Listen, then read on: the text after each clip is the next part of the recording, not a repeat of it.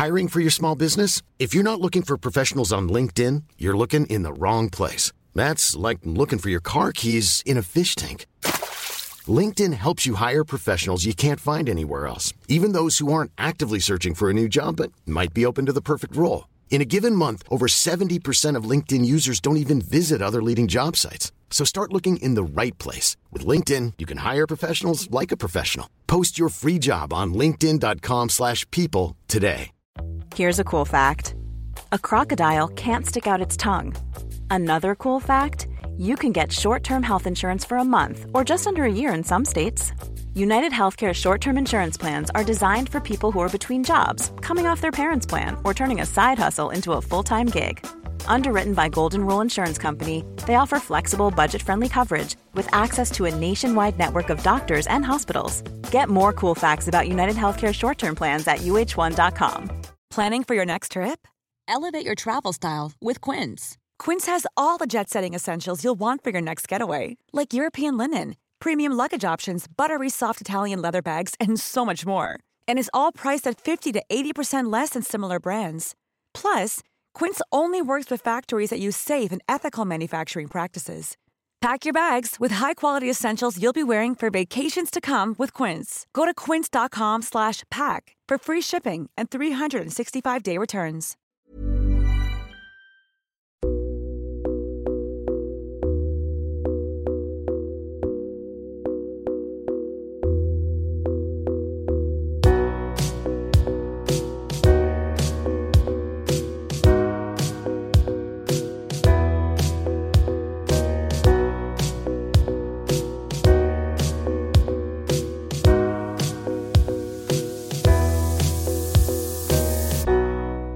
Du lyssnar på Säg vad du vill Åland, en lokal podcast med fokus på fria samtal. Jag heter Jannik Svensson och producent för podden är Didrik Svan.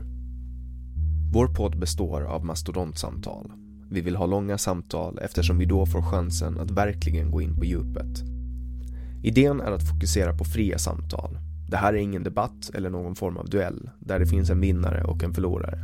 Det här är ett samtal där vi lägger fördomar åt sidan och där målet är att minska polariseringen. Vi tror att öppenhet är grunden för det demokratiska samtalet och vi vill uppmuntra dig som lyssnare att välja att exponera dig för samtal med någon du inte håller med om, hur triggad du än blir. Det kommer att diskuteras en hel del politik i den här podden och för att du som lyssnare ska slippa tänka på var jag som programledare står politiskt kommer jag att med egna ord redovisa det för er. Jag tror på öppenhet även för min del. Min politiska bias, mina glasögon och min ideologi är frihetlig liberalism och jag är aktivt engagerad i politiken. Jag kommer att göra mitt bästa för att min partiskhet inte ska lysa igenom mitt uppdrag som programledare i den här podden. Men eftersom ingen människa kan vara objektiv så hoppas jag att ni med den här informationen kan åsidosätta mina eventuella brister och misstag. Det här avsnittet presenteras av Webax, hemsidor och innehåll. Jag heter Jannik Svensson och du lyssnar på Säg vad du vill Åland.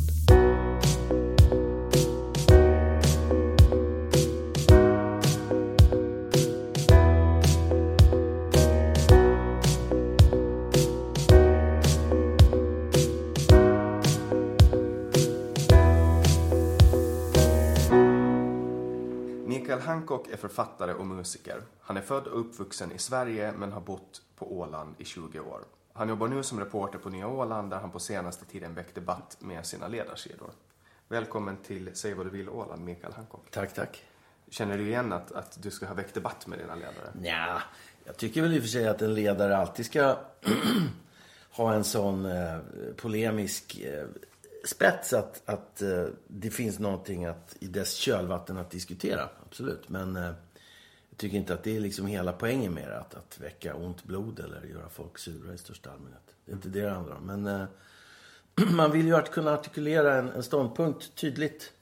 Och gör man det så, så, så, ja, särskilt om man går i någon form av angrepp på andras åsikter då, eller i opposition mot dem, så kan folk bli lite upprörda. Men det är väl roligt. Ny, Nya Ålands ledarsida, det har ju hänt ganska mycket med den nu senaste tiden. Att man har liksom släppt in i princip alla på redaktionen att, att skriva. Ja, alltså nu är inte min bakgrund så lång på eh, Nya Åland. Så att jag, jag har nog en känsla av att det var mera bara ett par personer som skrev ledare förut. Eh, så ja, det, det, de allra flesta, om inte alla faktiskt rent av, skriver numera ledare. Um, det är ett lite lustigt system, men jag tror att det har att göra med att, att tidningen är väldigt mycket ett kollektiv överhuvudtaget. Mm. Där ingen riktigt delar någon annans uppfattning. Vi, vi, är ganska, vi har ganska stor spännvidd mellan oss. Men där vi allihopa har en sorts gemensam känsla för vad vi som tidning vill stå för och representera. Mm. Så ja, vi, det, och det är roligt för jag tror också att det uppstår en liten intern, inte tävling, men vi, vi sporrar nog varandra tror jag. Och vi peppar varandra jättemycket med de där ledarna internt och klappar varandra i ryggen och säger åh vilken bra ledare. När, du säger, när du säger att det finns ganska stora skiljaktigheter mellan er internt. Mm. Eh, det är ju många som, som ska anklaga Nya Åland och så har det ju varit de senaste, så länge jag kan minnas i alla fall, att folk an, anklagar Nya Åland för att vara röd i den mm. politiska bemärkelsen. Ja, det är någonting som förbryllar oss på Nya Åland väldigt mycket. För vi tittar oss runt i rummet och säger, var är den där kommunisten någonstans? Det är ingen av oss som är, eh, upplever sig som det minsta röd faktiskt. Men eh, alltså inte för att det på något sätt skulle vara något fel med det. Men det är bara det att det är ingenting som vi riktigt känner igen oss i. Jag, jag kan tycka... Jag kan överhuvudtaget tycka att den här höger-vänster-skalan är lite bortkastad på den, ärligt talat. Uh, I den mån det finns en höger och vänster på Åland så är det väl kanske... Ja, det handlar om andra saker. Men det, visst, det handlar väl alltid kanske... Jag, jag tänker på stad mot land. Skillnaden på Åland som, som ju är en, en mycket större skillnad än kanske mellan höger och vänster. Det är klart att det handlar om folk som har pengar och folk som inte har pengar. Men det handlar om andra saker också. Om en pliktetik. Eh, en viss inställning eh, mot, i förhållande till arbete och bidrag som, som på något sätt väldigt många delar på Åland. Oavsett politisk inriktning i övrigt. Sen som, finns ju skärgården också. Och så finns det skärgården. Så att det finns en massa saker som komplicerar eh, höger och vänster. Jag, jag, tror att det är intressant att diskutera land versus stad och, och kanske också eh, olika generationers sätt att se på miljökrisen och eh, klimatkrisen och miljö, miljöns alla utmaningar. Det är någonting som Nya Åland har aktivt gått ut med att, att säga att man byter vokabulär. Ja, no, vi följde faktiskt bara efter en, en internationell standard som The Guardian introducerade. När man skriver ledare så vill man ju alltid ha någonting aktuellt att hänga upp det på. Mm. Och eh, det var en av våra eh, skribenter som heter Heidi Henderson som eh, är väldigt vaken på just den internationella eh, vad ska jag säga, scenen också. Eh, ja, hon har väl skrivit om, om, klimat på, ja. på Expressen, ja. Hon, och, absolut, hon har fått miljöpriser och sådär. Eh, hon, är, hon väldigt miljöorienterad. Eh, och eh, det var hon som uppmärksammade det först och då tyckte väl alla att det är jättebra att skriva en ledare på. Eh, så ja, det är absolut någonting som Åland, Nya Åland har, har tagit för sig. Det tycker jag att alla borde göra faktiskt. Radion och tidningen Åland också känner jag. Det har ju blivit en, en, vad ska man säga, en ideologisk splittring, eller inte splittring, men en diversifiering mellan tidningarna. Att man, att man har tagit ställning åt olika håll. Mm. Personligen så välkomnar jag det, för jag tycker att det är, jag tycker bara det är bra att man, att man får liksom den här vidden som faktiskt existerar där ute mm. i samhället. Mm, mm. Men, men du har gått ganska hårt åt Ålandstidningen. Jag vet inte om jag gick så hårt åt. Ja, om, man jämför med, om man jämför med gamla ledare på, på nyan så gick det jävligt hårt till. Ja, ja. Nå, eh, alltså, jag, jag kände... Eh, ja, precis som du så, så, så håller jag med. Jag tycker att det är jättebra att det finns en spännvidd mellan tidningarna. Jag, jag tycker om offentliga samtal med innehåll.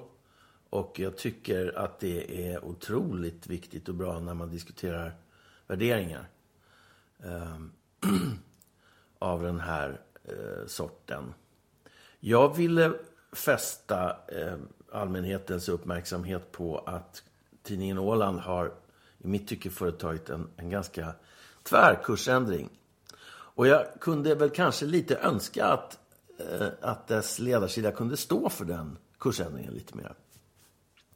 Som det nu är så, så är det som att man säger lite att nej, vadå, det har inte hänt något. Och så alla som läser tidningen tycker, eh, jo, det har hänt något. Um, och, och, och, det som har hänt är ju då att det har kommit in ett lite kallare marknadsliberalt synsätt på eh, tidningen Ålands ledarsida. Man propagerar mer eller mindre för någon sorts nattväktarstat. Där, alltså där staten ska sköta väldigt basala funktioner och låta medborgarna sköta resten själva med hjälp av, föreställer jag mig, någon sorts privata försäkringar eller något sånt där. Eh, vilket naturligtvis inte alla har råd med. Eh, och där finns också tendenser till att vilja se eh, att vilja se en stat som en speceributik som Thatcher gjorde. Att den ska gå ihop och den ska gå plus minus noll och den ska inte låna. Och annars kommer allting att gå Som musiken menar jag då. Ja, jo, jag vet, jag vet att du står för det där. Och det är ju på ett av mina favorit eh, åländska ord paller. Eftersom en stat som går plus minus noll i någon bemärkelse har misslyckats. En stat, den normala belåningsgraden för en stat, den normala, den genomsnittliga belåningsgraden på eh, staterna i EU 60 procent.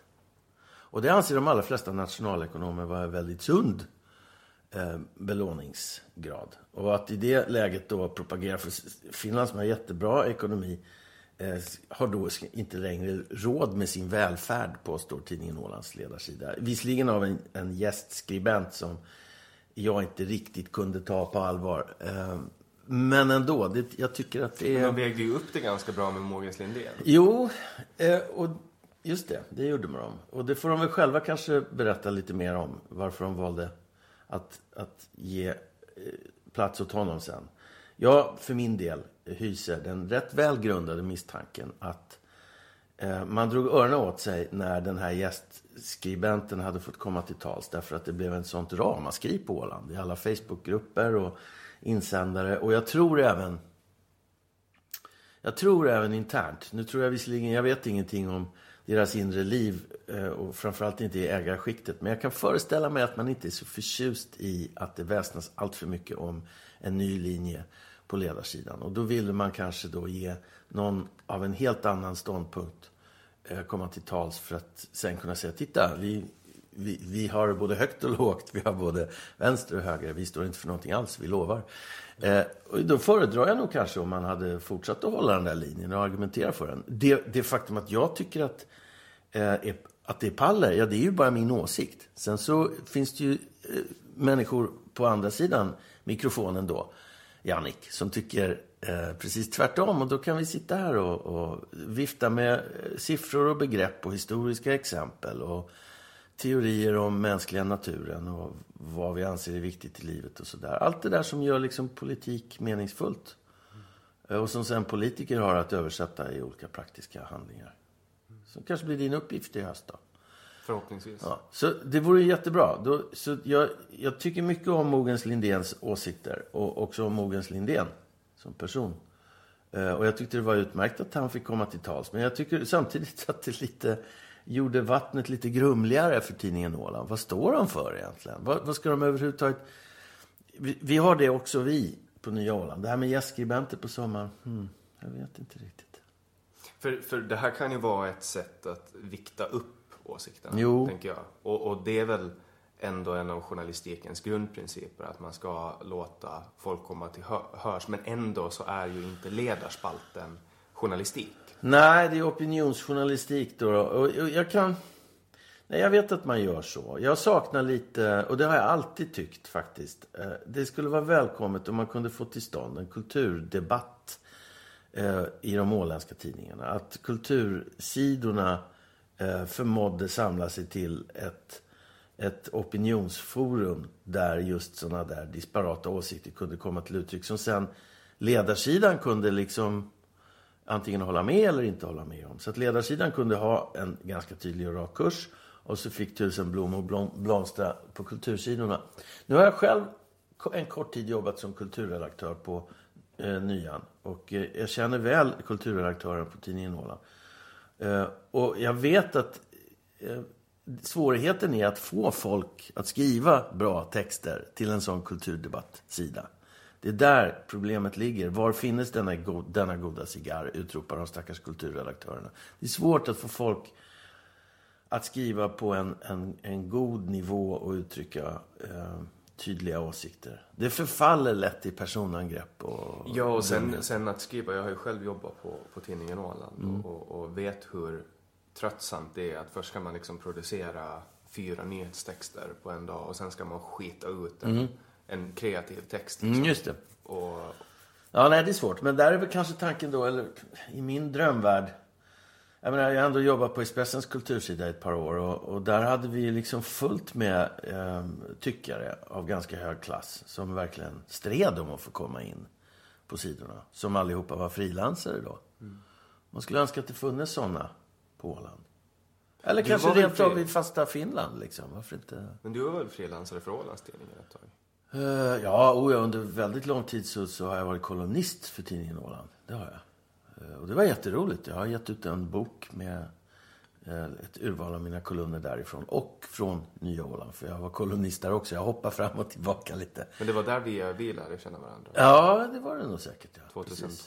Ja, just det. Så vi har också en historia? Vi har också en historia, Jannik. Alla har en historia på Åland. Men eh, har du jobbat som journalist och som reporter innan du började på Nya Åland? Oh ja, det är så jag började. Jag började... Mina föräldrar var journalister. De träffades på Expressen. Jag brukar säga att jag är antagligen tillverkad mot något bord där på nattredaktionen.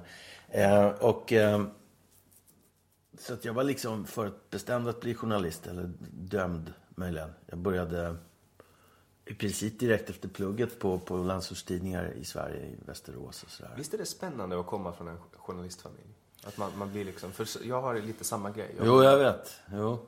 Jag har min farfar ja. och min, min syster. Precis. Min pappa har jobbat med din farfar.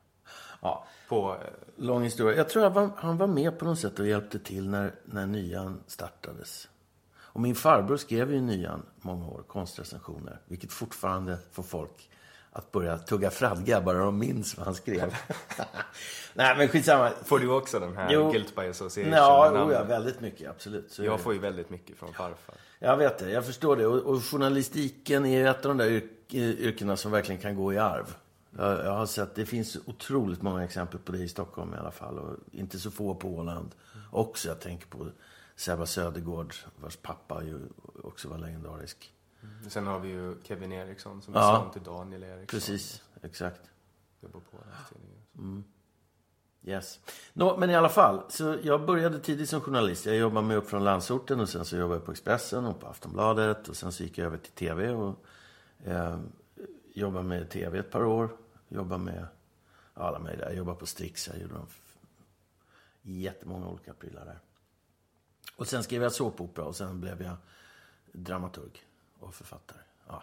Lång historia, men, men eh, journalistiken är liksom det jag började i.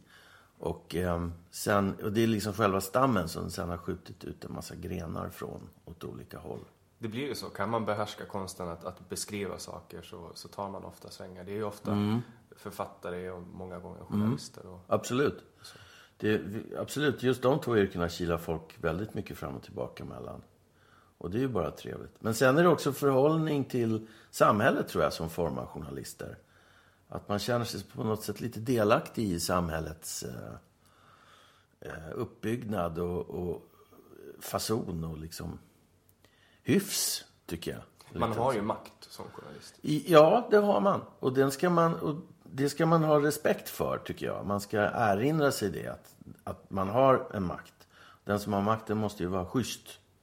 Så därför tycker jag att det är extra viktigt att man, att man försöker förhålla sig korrekt. Eh, även privat som journalist. Det är lite som att vara polis eller präst. Liksom. Ser du ett problem med att både skriva ledare och jobba som reporter? Inte det minsta.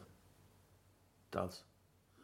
Eh, jag inser att det kan uppfattas av vissa som suspekt. Eh, det kan inte hjälpas på en liten ort.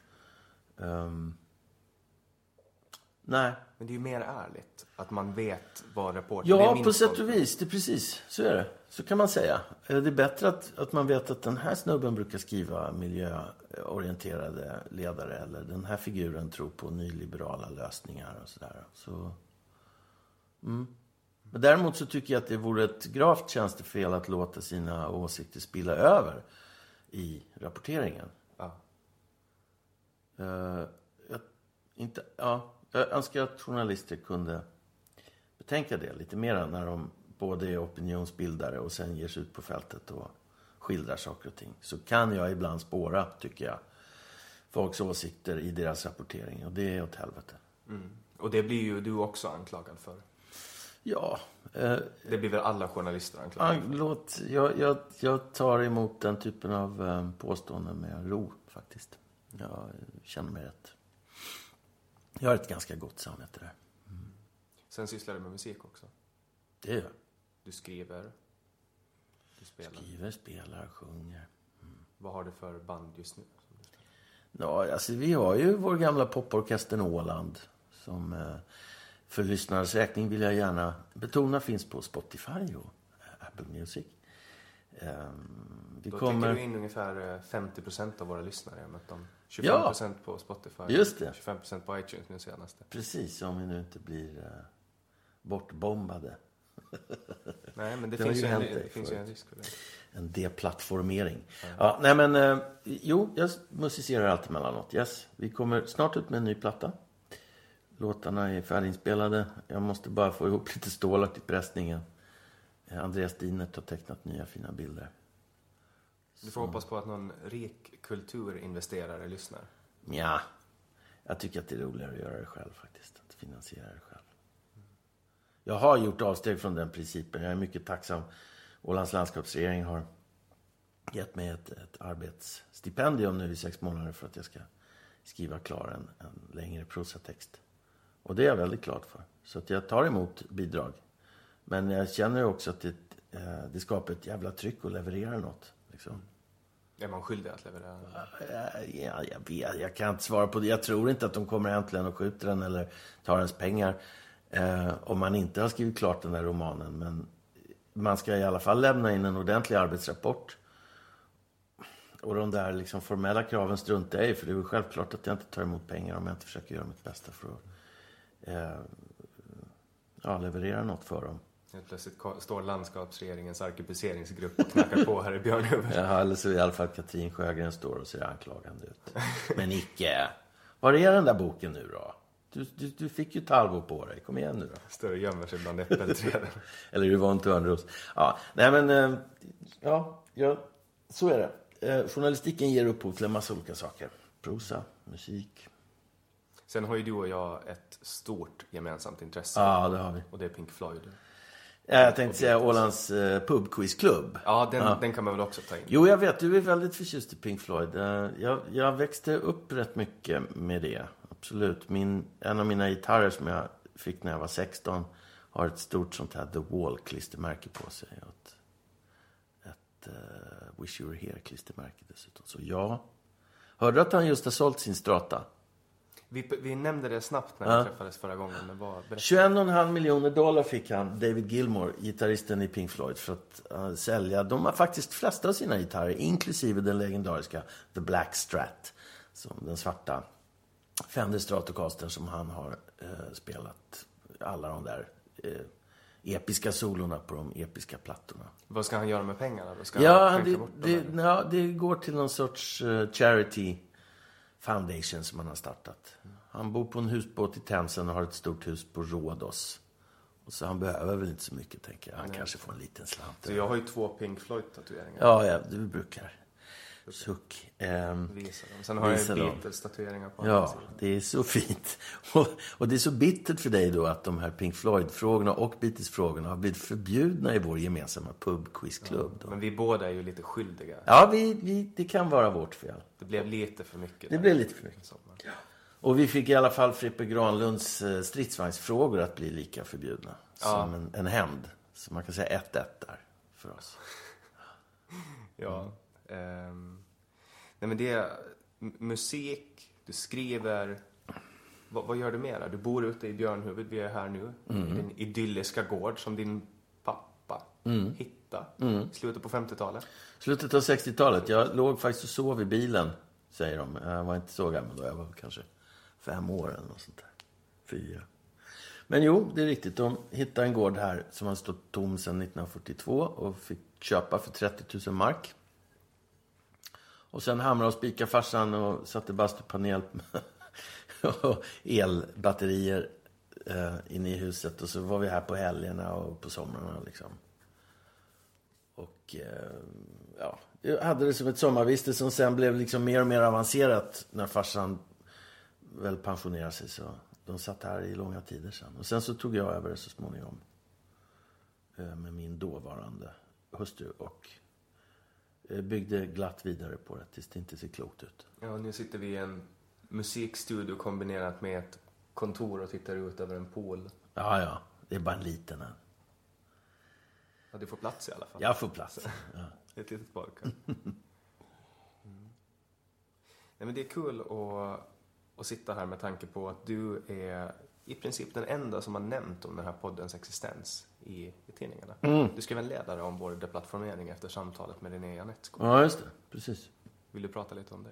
Ja, visst. Eh, Jag tyckte det var, precis som du påpekade också, så var det ju närmast komisk ironi i att ni sitter och pratar om det här fenomenet deplattformering. Även om ni inte går in närmare på det, men du nämner det. Eh, utan egentligen att förklara Eh, närmare vad det handlar om. Och sen så säger den här Janetsko då ett par saker om feminism. Eh, som, ja, man kan ha andra åsikter förvisso eh, än han i, i det ämnet. Jag har det. Men eh, det var ju ingenting som var på något sätt olagligt liksom, att säga. Han hade bara en åsikt som var sådär lite traditionell på ett sätt som irriterar vissa. Och så ett tu tre så hände det då att det, det här programmet där han säger de här sakerna läggs ut på Spotify. And sure enough så massanmäls det så att Spotify automatiskt tar bort det. Eh, det var ju komiskt i sig. Men det är principiellt väldigt allvarligt tycker jag. Och det är en, det är en, ehm, det är en yttring av den nya tidens ehm, debattyra eh, som har formats på sociala medier. Eh, att man försöker hindra sin motståndare från att ens tala. Eh, det har kommit till oss via den här föreställningen om att tal är en form av våld. Eh, Och att man har rätt att försvara sig. Så att man i rent självförsvar kan försöka hindra någon annan från att tala. Det här ledde ju till den så kallade Barbara Streisand-effekten som gjorde att vi, vi slog rekord. Ja, just det. För att när det här uppmärksammades så blev folk så nyfikna. Och även jag blev anklagad för att ha iscensatt det här. Men jag har Det är ju, roligt. Ja, jag har ju ingen möjlighet att, vi lägger ju inte ut det på Spotify, vi lägger ju upp det här på en server som sen med RSS skickar ut Mm, vet. fetchar de Spotify. Men du hade ju kunnat eh, betala tio kompisar för att eh, massanmäla det. Var det du, Jannik? Det var, alltså om jag skulle ha veta att det skulle ha lett till så här bra effekt så finns det kanske en, en, en risk för att jag skulle ha Oj, på oj. något sätt nyttja Oj, oj. den leverage. Men jag tror inte att det skulle få samma leverage Nej. igen om, om vi blev deplattformerade. Det är ju bara han som är borta och det är helt knäpptyst från Spotify. De, de svarar liksom. Mm. Jag var i kontakt med deras kundsupport och jag har frågat dem och fått kontakter till deras poddavdelning Mm. eh, avdelning, men det är liksom det är locket på. De, de ger inget svar. Och, det är så här, nu, nu är det bara, ja men de, folk får lyssna. Nu har, nu har, förut så hade vi, fram till det här så hade vi ungefär 35% som lyssnar på Spotify. Men det som har hänt nu är att, att det har sjunkit till ungefär eh, 20. För att folk har börjat använda andra appar istället. För att de, de litar inte på Spotify. Så det här är väl liksom en liten, liten klunga ålänningar som har tappat förtroende för Spotify. Wow. Så, så du, vad du menar nu är att där fick ni allt Spotify. så fick går de. det när man ger sig på min podd. Ja. Ja, jag förstår. Ord är makt. Just det. Nej, och där är väl problemet då att ord, inte, ord är makt. Men det har blivit på mode att anse att ord också kan vara eh, nästan som ett fysiskt angrepp. Och, att det då ger en rätten att försvara sig mot angreppet genom att tysta det. Det där har förekommit på amerikanska och engelska universitet. Eh, och det är en mycket allvarlig utveckling tycker jag. Tänker du på det här bageriet som de stängde ner?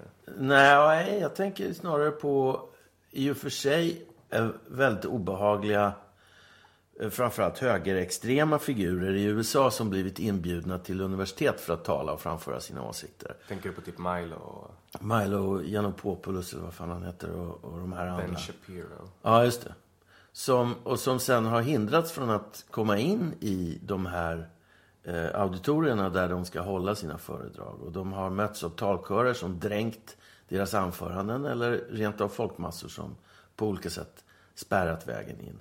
Eh, och det där är ju väldigt olyckligt. Man, det är en, en, en lynchmobbsmentalitet som, som inte är, är tolerabel oavsett eh, vad det är för åsikter man inte tycker om. Det vi har nämligen, det finns ingenting som heter en eh, absolut yttrandefrihet. Inte ens i USA. Och verkligen inte i Europa, Finland, Sverige. Eh, det finns saker man inte kan säga högt. Vi har lagar som reglerar det. De räcker.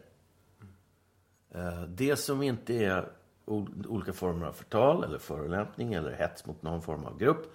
Det ska få sägas högt och sen argumenteras emot högt.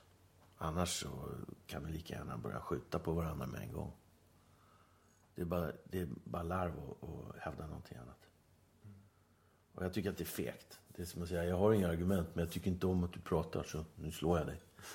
Det är bara korkat. Mm. Och det sker ju. Eller? Vad sa du? Det sker ju.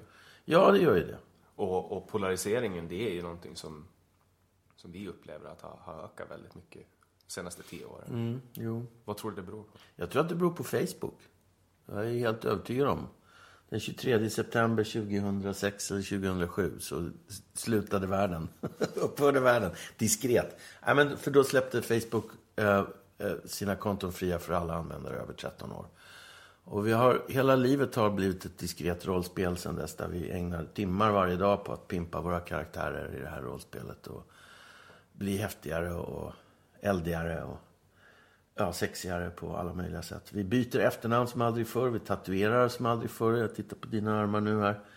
Eh, vi skaffar oss fräsigare och fräsigare åsikter och frisyrer och Um, Tittar du på min frisyr nu? Nej, det är, den är jättefräsig. Morgonhåret. Ja, den är hemskt fräsig. Men nej, den tittar jag faktiskt inte på. Nej, men det, och, och, sen så, och med det där så kommer då också den här lättkränktheten och att man avsiktligt missförstår varandra och skränar och skriker och, och trollar. Um, Trolla är ett intressant ord, för jag tror att din och min generation har väldigt olika syner på trolla. För mig är ju ett troll någon som trollar i ett online-spel. Alltså att man, man, man playar någon, man leker mm. med någon, liksom. man mm. lurar någon mm. att göra någonting. Um, och, och, att man gör det med en, en djup ironisk blick som karaktäriseras av trollolol guy mm. liksom. Jo, jag vet. Um, men sen finns det ju de som använder ordet troll, för dem är troll någon rysk näthacker som sitter och Nej, oss. Nej, inte för liksom. mig. För mig är troll det som är den vedertagna betydelsen för ordet, i alla fall i den anglosaxiska världen. Någon som med djupt utmanande och inte sällan förolämpande åsikter och ord försöker provocera andra till gräl eller få dem att tystna eller skrämma dem på något sätt. Mm. Och det, det är ju den nya betydelsen. Det fanns en betydelse ja. av troll innan, jo, men, den har blivit kapad. Absolut, kapad och kapad. Den har i alla fall vidareutvecklats. Det är ju samma typ av beteende, minus det, då den där ironiska glimten i ögat. Eh, I mindre community så vet man ju lite var gränserna går och tycker att det är, är lite festligt att bete sig sådär. Den betydelsen har gått förlorad nu. Nu sitter man och eh, lägger ut Ja, man, jag tycker att det är rätt bedrövligt som folk. Du, så när jag var liten, då var trolla liksom att man, man loggade in på World of Warcraft på en role-playing server där folk mm. liksom lekte att mm. de, de spelar karaktärer. Och så lekte, och så, så lekte man med dem liksom, fast man egentligen trollade dem. Alltså att man, man mm. fick dem att göra, du vet, det är en ganska... Jag vet, jag vet, jag vet. Och nu, nu har det blivit liksom mera som något så här provokativt-aktigt. Ja, så är det. Det har, det har förskjutits. Och så pratar man om ryska nättroll och så. Ja, just det. Men, och, och, precis, och där är gränsen lite flytande tror jag. Eftersom det finns, det finns ryska troll och det finns ryska hackers. Så ibland är de en och samma. De trollar i ett visst syfte för att provocera fram eh, mot reaktioner som sen eh, sätter igång, eller sätter ett samhälle mer eller mindre i brand. Det finns ju rätt många exempel från valkampanjen 2016 i USA där man har kunnat visa hur ryska hackers har eh, antagit amerikanska identiteter och sen trollat utav Batusan, dragit ihop eh, eller påstått sig ha dragit ihop då demonstrationer som sen har eh, provocerat fram gigantiska motdemonstrationer hos riktiga amerikaner som i sin tur har gett upphov till reaktioner hos motståndarsidan. På det här sättet har man satt stora vågor i, i, i rullning. Eh, det låter ju lite som mind control. Ja, ja, det är en form av mind control. Det, Det fanns ju också, om du kommer ihåg förra sommaren när den här eh, fotboll, landslagsspelaren, svenska landslagsspelaren Jimmy Durmaz, eh, han missade väl något mål eller någonting och så var det en rasistattack på honom på Instagram. Det visade ju sig sen att vara bottar som skrev de här rasistiska inläggen. ja, Och, och där gjorde ju tidningarna en stor grej av det. Det, var liksom, det kom TT Flash, det, eller eh, Omni-Flash, förlåt, det är väldigt stor skillnad. Omni-Flash och, och Aftonbladet Flash, det blir ju huvudnyheten liksom. Eh, och, och då var det egentligen en koordinerad bottattack. Där, kom, Festligt. där kommentarerna sen försvann. jag förstår. Mm. Jo, det finns ganska gott om exempel på hur, hur de här medierna manipuleras på olika vis för att få igång eh, bränder. Det är tråkigt. Och det är ju någonting som, som funkar väldigt bra. Alltså för all interaktion på Facebook är ju bra interaktion enligt algoritmerna. Desto mera interaktion man får på ett inlägg, desto mera sprids det. Jo, de tycker ju det.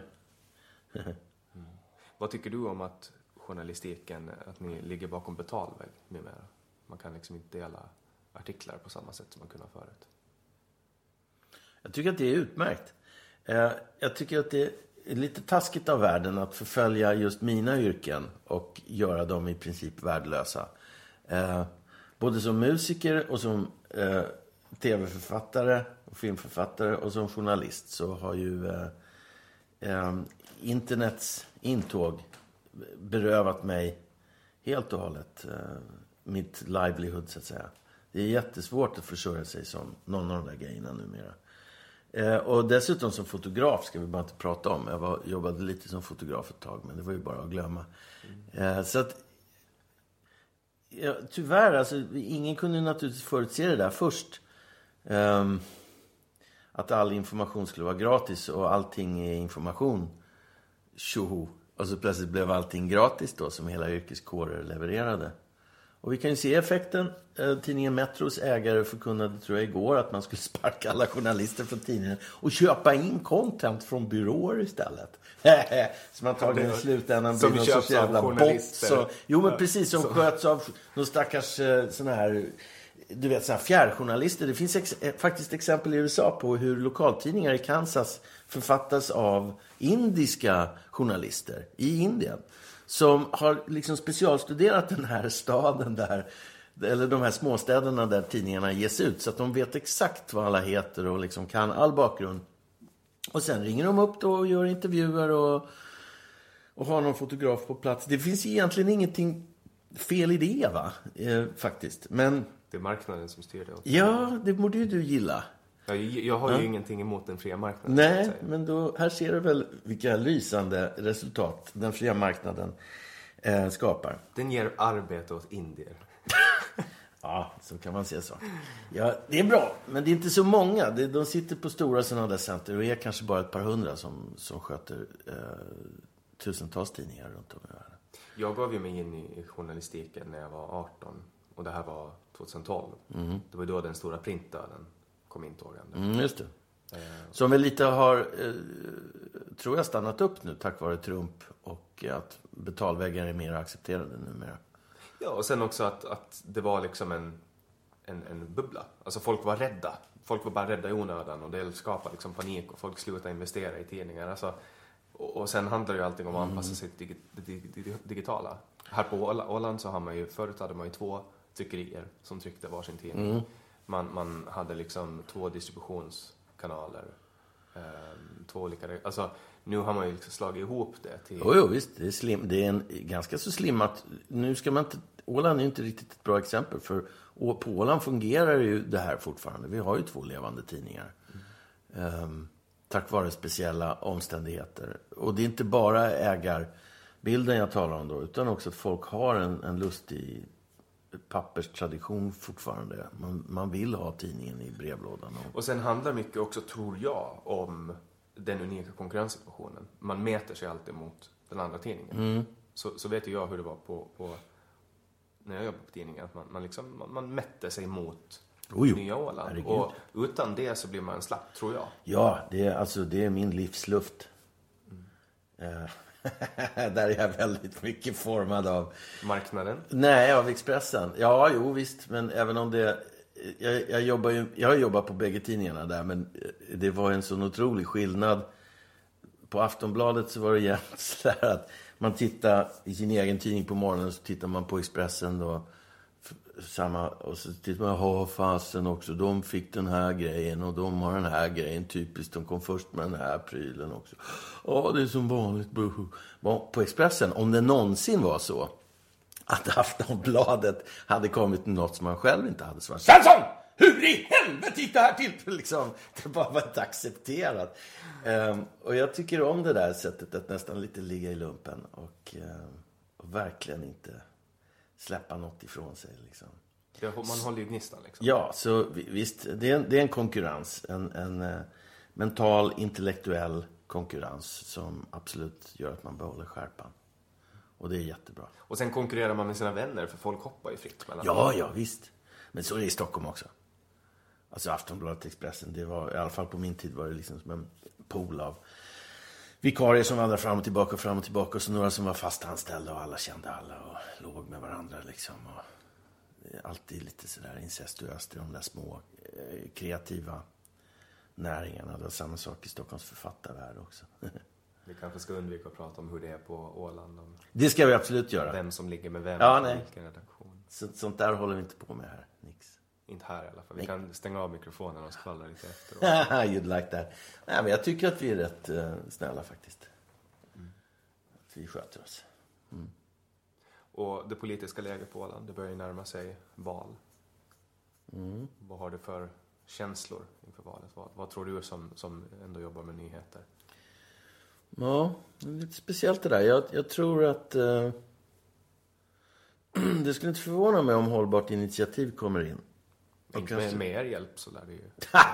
Ni har ju inte varit helt främmande för att lyfta ja, Jag vet frågor. inte riktigt vem som har skapat vem där. Alltså det, vi, anledningen till att Nya Åland absolut eh, har miljön som en ganska stor punkt på agendan. Så är det för att det är en väldigt stor punkt på agendan. Borde vara för alla. Den som inte tycker att det är en big deal har inte riktigt fattat vad det här handlar om.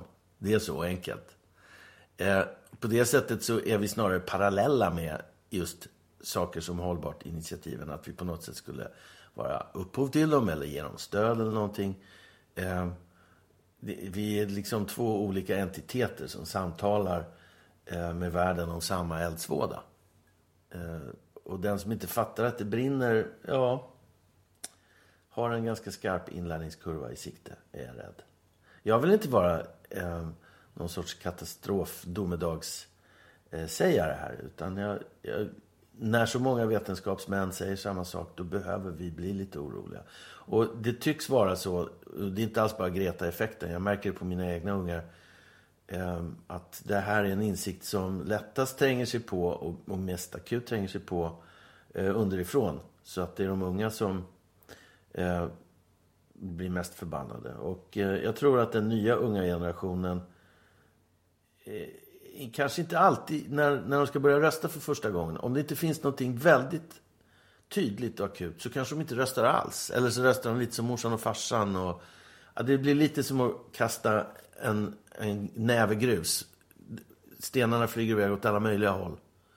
Men i år så tror jag att den här eh, miljöfrågan är just en sån där akut grej. Så att det kommer att bli som en enda stor sten som åker åt ett och samma håll. Tror du att en, ett enfrågeparti är lösningen? Det är ungefär som du vet, Stefan Toivonen var lösningen på invandringen för människor. Tror du att, och han har ju inte lyckats så bra med sina frågor? Ja, jag, jag, jag, tycker inte om att jämföra alls med Toivonen. Därför att Toivonen tog en inbillad fråga till riksdagen, förlåt, lagtinget, som man alldeles för sent upptäckte att lagtinget inte hade något som helst med att göra. Det var ju lite smålistigt. Sen dess har han, jag vet inte, vad har han gjort sen dess? Pratat om skatt skatter och besparingar och knark och allt möjligt. Han är lite all over the place tycker jag. Um, men ett en fråga. Men, och det är det som är frågan. Är då miljön verkligen bara en fråga? Är det inte en dimension av i stort sett allt? Om du vill diskutera höger-vänsterskalan, vilken typ av politiska eller ekonomiska lösningar du ska ha i allt ifrån små företag till hur man sköter hela statsförvaltningar, så finns ju hela tiden miljön där som en, en, en dimension av det hela. Är det verkligen bara en fråga? Jag tänker att om man, om man verkligen vill eh och är motiverad att få saker att hända så är det ju mer strategiskt att sätta sig i en situation där man kan hamna i regering istället för att, att döma sig själv till opposition som man gör om man startar ett nytt parti. Så är det absolut, men det är väl ingenting som säger om man, om, om, låt oss säga att Hållbart initiativ skulle få två mandat. Vad är det som säger att de inte skulle kunna hamna i, regering, i en regering tillsammans med, som ingående i en koalition, precis som Miljöpartiet i Sverige? Det tror jag är eh, det tror jag är en jag, väldigt trolig utveckling. Jag, jag, jag, tror inte att ett parti med två mandat ska komma in i en regering och få en ministerplats. Eh, med tanke på att de bara har en fråga som de har lyft. Man, ingen vet vad de står i sociala frågor, ingen vet vad de står i ekonomiska frågor. Det enda de gör, du hörde ju i debatten själv på Alandica Debatt, mm. eh, där Simon Holmström i princip bara pratade om klimat och miljön. Alltså, jo. hade väldigt lite att säga om de övriga frågorna. Och all ära till miljö och klimatfrågan. Det är otroligt viktigt. Mm. Jag tror personligen att, eh, att man får mera inflytande om man ger sig in, alltså om man, om man tänker politiskt strategiskt mm. så är det utgångspunkten mycket större eh, att man får jobba med miljö och klimatfrågor och verkligen påverka om man ställer upp i ett parti som sannolikt kommer att sitta i regering, vilket är Liberalerna, Moderaterna eller Centern det. För, för så kommer antagligen att Ja, det finns, jag, jag hör vad du säger, men jag håller inte med dig. Jag tror att det är bra att man... För att det blir ju nämligen så här att om man går till val på ett renodlat miljöalternativ och verkligen... Även om jag nu inte anser att det är bara en fråga så ändå så att säga med en dåres envishet fortsätter att bara diskutera miljön just i sådana här offentliga debatter. Om man då kommer in och får två mandat då har folket, som det numera heter, sänt en signal som är ganska kraftfull till den politiska kroppen som man då har tagit sig in i. Och den politiska kroppen, eh, alltså lagtinget och de som sen bildar regering där, eh, gör nog klokt i att, att lyssna på den signalen. Om man genom att bara tugga om en enda grej har tagit sig, har fått så pass mycket makt och kraft. Då tror jag att man har mycket större möjligheter Dels att komma med i regeringen därför att regeringen säger sig själv och sina väljare att vi vill vara progressiva så vi tar med de här gröna så ser det bra ut för våra unga som har röstat på oss. Um, och jag tror också att man den vägen uh, hörs tydligare när man sen inne i regeringen förfäktar sin enda grunka. Men jag håller med dig om, så att jag, nej, jag, jag tror att om du ger dig in i, inom Socialdemokraterna, Liberalerna istället, du kommer att bli svald av en stor eh, apparat med rätt bestämda traditioner och väldigt bestämda befordringsgångar. Och sen kan du sitta där och vara lite smågrön bäst du vill. Men mm, för din röst social... kommer inte att höras För mycket. både Socialdemokraterna och Liberalerna är ju väldigt inne på klimat och miljöfrågan. Det är otroligt mm, viktigt för båda. Ja, jo, ja, jo, de säger det, ja. Mm. Och det, det, är ju, det är ju den här regeringen som har satt upp klimatmålen. Mm.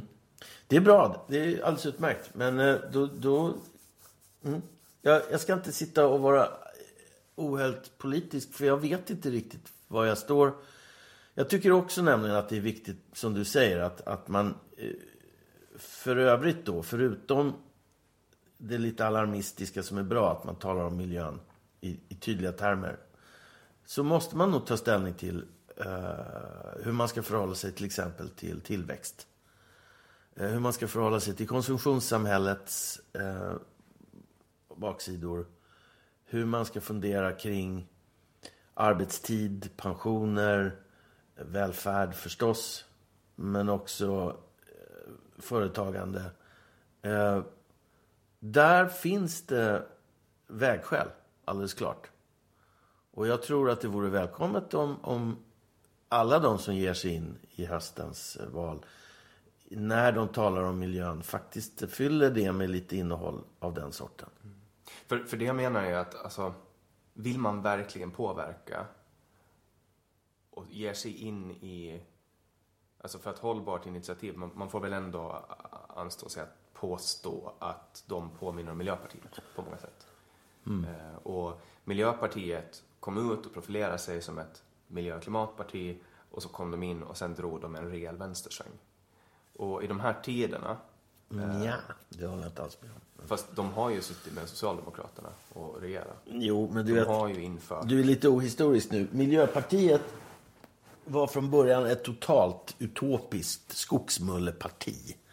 Du vet, de hade så knasiga förslag och idéer. Det var liksom kompostlobbyn som satt där och viftade med sina granruskor. Eh, ur det så ble, skapades ett, ett modernt och rätt pragmatiskt miljöparti som, eh, precis som du säger, satte sig med sossarna, men precis lika väl nog hade kunnat sitta med Liberalerna eh, eller Centern. Liber, varken Liberalerna eller Centern är ju kända för sin, sin högerpolitik. Ja, det beror på vilken upplaga av de partierna vi pratar om. Men pratar vi de senaste åtta åren i Sverige? Eller de senaste fyra åren för den här Ja, det är ett ganska kort perspektiv. Ehm, och det är så mycket som har hänt sedan Sverigedemokraterna kom in. Min poäng är att, att eh, om man vill utmåla Miljöpartiet som ett vänsterparti i Sverige, då, då är man både ohistorisk och lite blind för eh, realiteterna. Man kan inte säga att, att den här Stefan Löfven-regeringen överhuvudtaget har varit särskilt vänsterinriktad. Men kollar man på de skatterna som har införts Alltså man har, man, mm. man, man liksom... Man, jo, något måste de där miljömupparna få, sitter väl Stäbo och tänker liksom. Ja, men det är ju fortfarande, det är ju ingen höger grej att sätta en avgift på någonting i, för att hoppas på att det ska sänka användningen av flyg, liksom, flygskatten som exempel? Ja, det vet jag inte. Alltså, det är väl så här att, att högen, en av de frågor som högen traditionellt alltid har förfäktat, vi ska inte bli alltför tekniska nu, men så är det dynamiska effekter. Eller hur? Att en, en avgift, eh, borttagande av en avgift stimulerar till exempel eh, in, ja, investeringsviljan eller så vidare. Sänker du skatterna så kommer det att skapa en effekt, eller hur? Det är väl det som sådana som du tror på. Alltså, men det har väl också att göra med att man dämpar effekten. Jo, men, jo, alltså, men... Det, det, är det som kallas för dynamiska effekter. Men man behöver ju först dämpa effekten för att, alltså för att allting handlar väl om att återställa. Jag bara säger, höja, om, om man från högerhåll vore för eh, att folk flög mindre till exempel. Om, alltså om du, det borde ju gå, tycker jag, som lite opartisk här, att vara högerorienterad men miljömedveten. Är man miljömedveten så kan man ju då tycka att ja, men det är nog bra om folk flyger mindre och åker mera tåg. Och då skulle det inte vara något problem för, för dig som högerinriktad eh, men miljömedveten att i det läget höja flygskatten. Det, då skapar du en dynamisk effekt som tvingar folk från flyget till tåget. Man kan ju inte säga att allting som är en skattehöjning är, går emot en, en högersinnad person. Det, det är orimligt. Eh, så länge vi anser att vi ska ha ett politiskt system med någon form av eh, gemensam grunka, om det så bara är nattväktarstaten, så måste det finnas någon form av skatt. Även en nattväktarstat eh, behöver ju eh, finansieras på något sätt. Jag tror ju på att låta flygnäringen utveckla, utvecklas mot en mer miljömedveten teknologi. Vilket den har gjort. Det blir ju bara bättre och bättre hela tiden. Ja, jag är lite skeptisk, Jannik. Eh, visst, det är väl bra om de eh, under galgen, så att säga, eh, inser att de måste göra något åt... Eh... Det är lite som bilindustrin, eller hur? Det var för, först när oljepriserna steg så där brant som det plötsligt blir möjligt att göra bilar som, som går jättefort och jättebra på en halv liter milen. Dessförinnan så var det omöjligt. Två liter minst, liksom. Eller hur? Ja, så eh, det är väl klart att återigen, man skapar dynamiska effekter hos flygindustrin genom att göra deras villkor lite svårare undan för undan. Så att de... Men du vet, jag ser så mycket hyckleri. Du vet, folk, ja, alltså så här, broder, folk det som, finns det inget. Folk, nej, folk som pratar. Så sure, är, är, du, är du för eller emot uh, att man ska flyga? Vill du att man ska sluta flyga? Jag personligen? Ja. Nej. För att, du vet, det finns så många som, som säger att man ska sluta flyga, man ska inte flyga. Eh, och jag får höra det liksom. Mm. Eh, personer som flyger mer än mig. Och så, liksom vill ge mig någon form av upp, läxning. För att jag är, inte, jag är inte emot att man flyger. Jag tror att flyg för oss närmare varandra, förflyttar teknologier. Alltså, jag tror att flyget, eller jag vet att flyget har varit en jättestor del i den utveckling vi har och fortsätter den teknologiska utvecklingen i den takt som den har gjort. Det har ju varit en spiral liksom. Kolla på utvecklingen från 50-talet till 80-talet, från 80-talet till 2000-talet och sen 2000 Det är en spiral. Ingenting tyder ju på att det här ska bli, alltså att, den, att det ska liksom stanna upp nu. Men på något sätt så känns det som att alla tror att nu kommer allting att stanna upp och sen kommer vi inte att ha någon teknologisk utveckling. Men, men alltså om tio år, jag tror inte vi kommer att känna igen världen om tio år. Så skulle man kunna ha sagt i mitten på 90-talet. Före internet slog igenom och smartphonen och förändrade våra liv. Liksom. Ja, nej. Jag har en enorm tilltro Det är på bra. framtiden. Det är bra. Men jag tror i sådana fall att... Det, om jag får argumentera lite emot din eh, eh, frihetsliga, liberalistiska liksom, eh, optimism. Så eh, vill jag peka på några saker som lätt händer när man låter bara marknaden styra. Eh, just sådana saker som har med miljön att göra. Det är till exempel på det här viset att betongindustrin i eh, Sverige, det här är svenska siffror som jag använder mig av nu. Källan är Ulrika Knutsson i en krönika i Godmorgon Världen för cirka två månader sedan.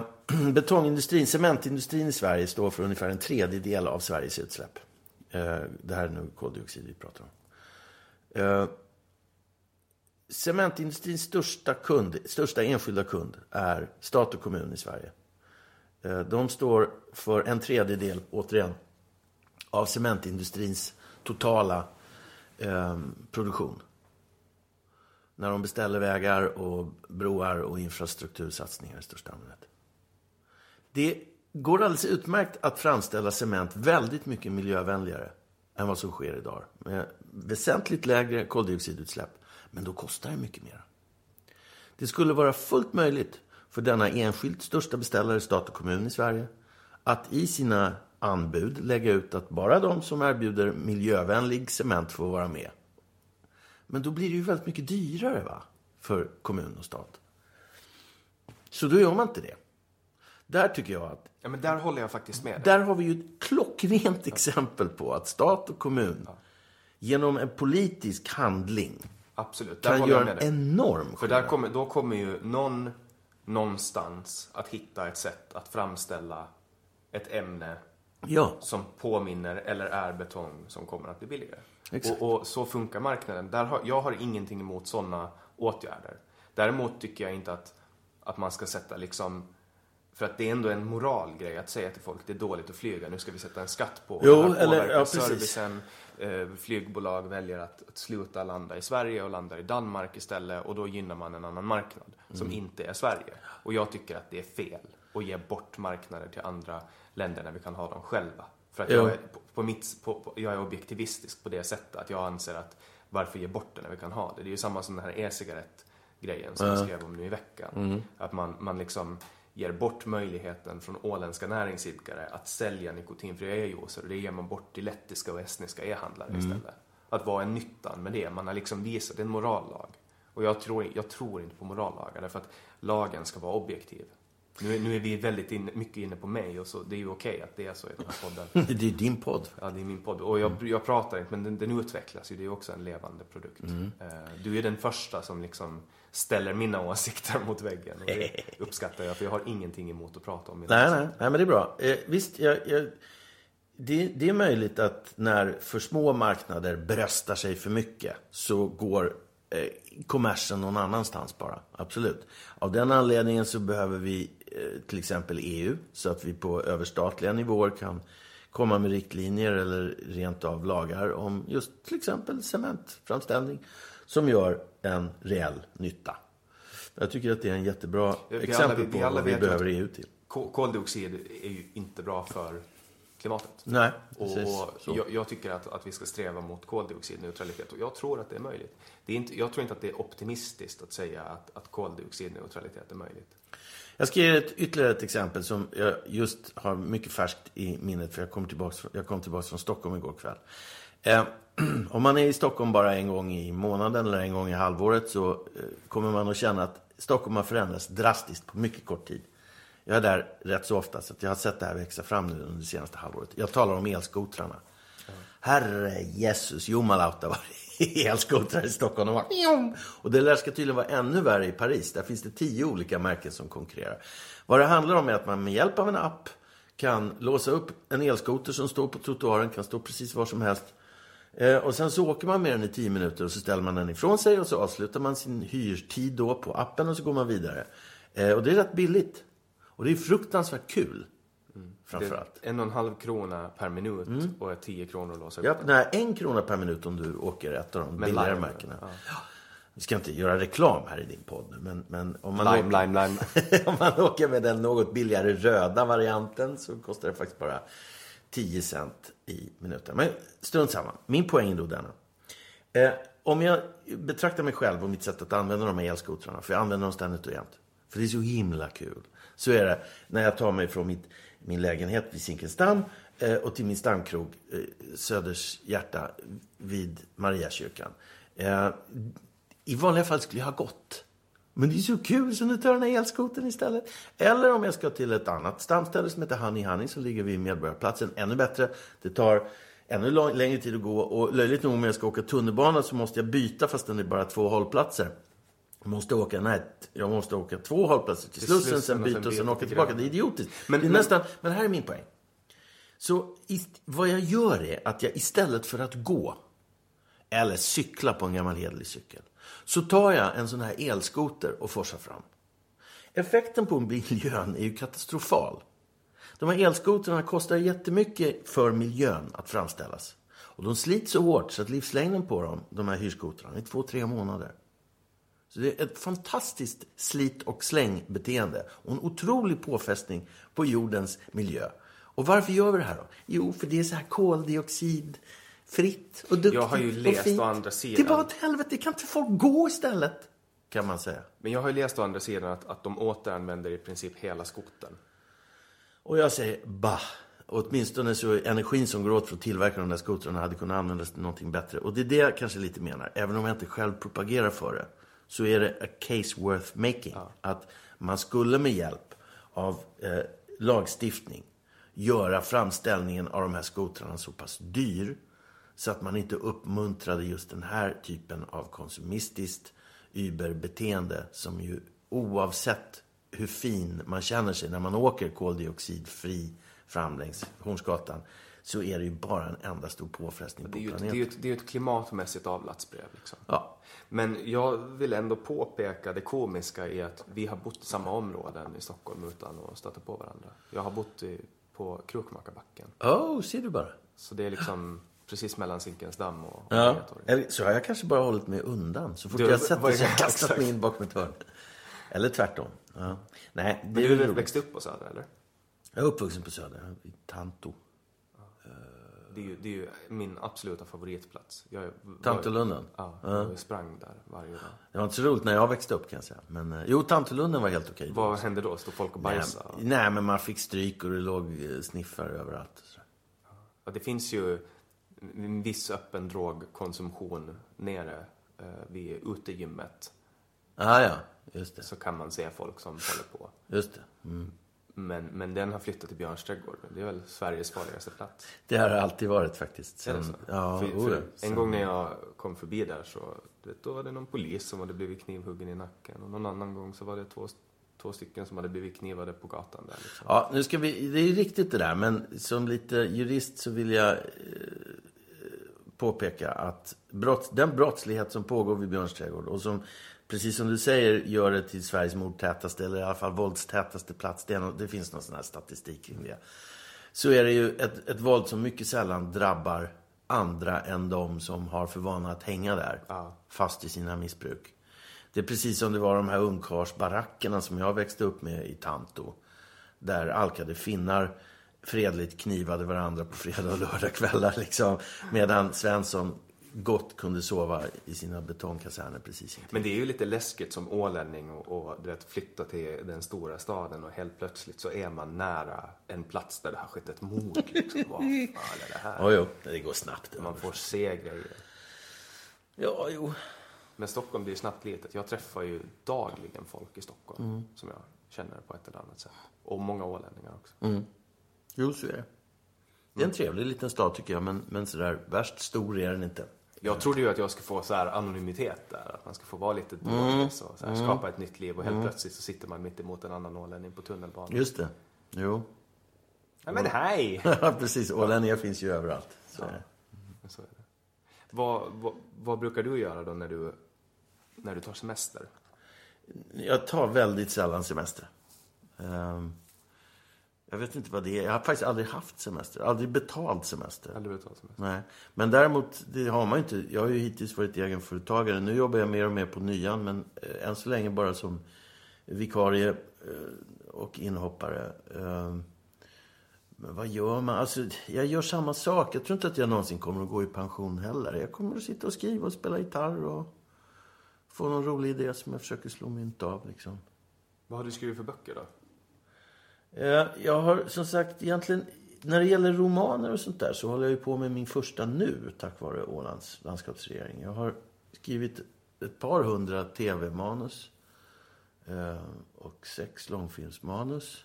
Har du skrivit någonting som har slagit igenom? Nej, alltså när det gäller filmmanusen så det är ju beställningar så att jag har fått betalt hela vägen. Men det är tyvärr så att av hundra filmmanus så blir ett film i Sverige. Men du har, du har varit manusförfattare på någon serie som...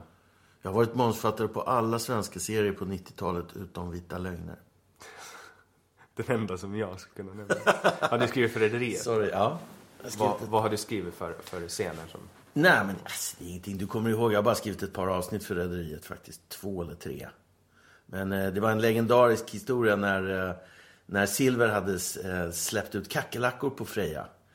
Eh, för att de skulle stänga båten på något sätt. Och, eh, och Joker och Junior försökte ta reda på varifrån de där kackerlackorna kom. Det var en grej som jag hittade på alldeles själv faktiskt. Att de skulle ta reda på kackerlackornas hemliga kläckningsplats.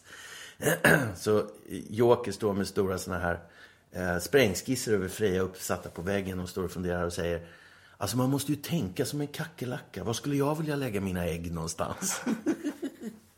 det var hemskt roligt. Vad gjorde du för research? Då måste du åka till, till en bibliotek Nej, och leta. fan. Sånt där hittar man på bara. Det är ingen som bryr sig.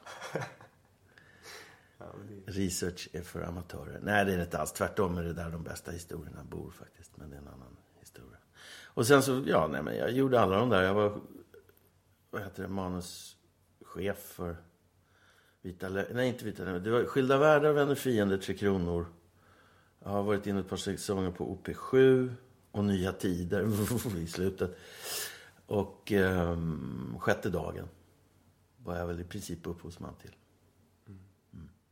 Hur, hur är det när man skriver sådana? Alltså, kommer man in från ingenstans och liksom ska sätta sig in i serien eller? Ja, men någonstans måste du börja liksom. Men du får ju en... eh, Du får ju en karaktärsbeskrivning, liksom en bibba karaktärsbeskrivningar då, lite bakgrund. Det kallas för Bibeln ofta. Och så får du kolla på lite avsnitt och så hoppar du in i det liksom. Eller så skriver du långa linjer, du skriver storyline. Eller... Det är inte alltid du liksom ger dig på dialogen. De där som går varje dag är är gigantiska apparater som, där produktionen av manus sker i flera olika nivåer. Så att det ska gå att göra liksom. För, för det kan jag märka, nu håller jag och Kajsa på att titta på House of Cards. Har du kollat på den serien? Mm. För då märker man liksom säsong ett, och säsong ett var helt fantastisk. Säsong två var också bra.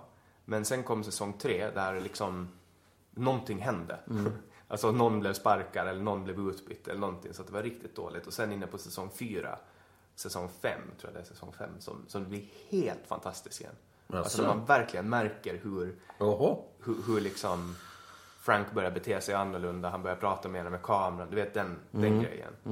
Ehm, men det har, det har med manusförfattaren att göra, eller? När, när en, en serie tar Det, det har att göra med huvudförfattaren, eller the showrunner, som, som är den som eh, har det yttersta ansvaret för allt, kan man säga. Och de, de har en väldigt stark ställning i anglosaxisk serieproduktion. Eh, det är möjligt att de har bytt showrunner eller någonting. Eh, de hade ju en förlaga i just den serien från, från England. Eh, och när den tog slut, och det var faktiskt redan i säsong ett, så var de ju tvungna att liksom börja återuppfinna hjulet. Och jag är inte så förvånad över att de liksom... Det började rinna ut i sanden säsong tre, då slutade jag titta. Så det, det där, men det beror, man har en enorm... Jag menar, det är klart om du sitter högst upp och bestämmer och hittar på karaktären och bestämmer allt samman så är det ju du som bestämmer allt. Liksom. För det finns ju verkligen serier där det har gått rikt, alltså där det har flippat. De har mm. gått in i någon mm. hydda och tagit någon LSD-tripp. Jag tänker på Lost till exempel. Ja. Där flippade ju helt och hållet. Det var, den hade ju all potential till att bli legendarisk. Nu är den ju legendarisk för sin... Flippighet. De, de, de, de myntade till och med ett begrepp för det. Uh, greppet. Det kallas för mystery box. Och det är J.J. Abrams som har hållit på med det där. Westworld säsong 2 är ett annat exempel på mystery boxes. Um, och det finns rätt många andra exempel också. Jag tycker att det är bedrövligt. Där, det, det, det är väldigt enkelt. Du hittar på en massa mysterier som du inte har en, själv en jädra aning om. Eh, varifrån de kommer och hur tusan man ska lösa det här. Men man är lite som en bekräftelsenarkoman som vill ha publikens eh, ständiga liksom, åtrå och panik. Uh, men du kan aldrig någonsin hålla vad du lovar. Och, de, och i, i slutändan så, så rycker de på axlarna och säger skitsamma, vi fick ju en massa tittare ju. Men ja, och det, det stämmer ju. Det finns många som tycker så. Både beställarna då, alltså kanalerna, eller eh, de andra författarkompisarna. För man pratar ju väldigt mycket om de serierna. Alltså... Ja, alltså, jag tycker man pratar om alla möjliga serier. Ser de två första säsongerna av Jessica Jones, de vet exakt var de är på väg och den är helt fenomenal tycker jag. De har en otroligt duktig showrunner som heter Melissa Rosenberg som... Um, det är magnifikt. Tredje säsongen suger tyvärr. Håller på att kolla på den just nu.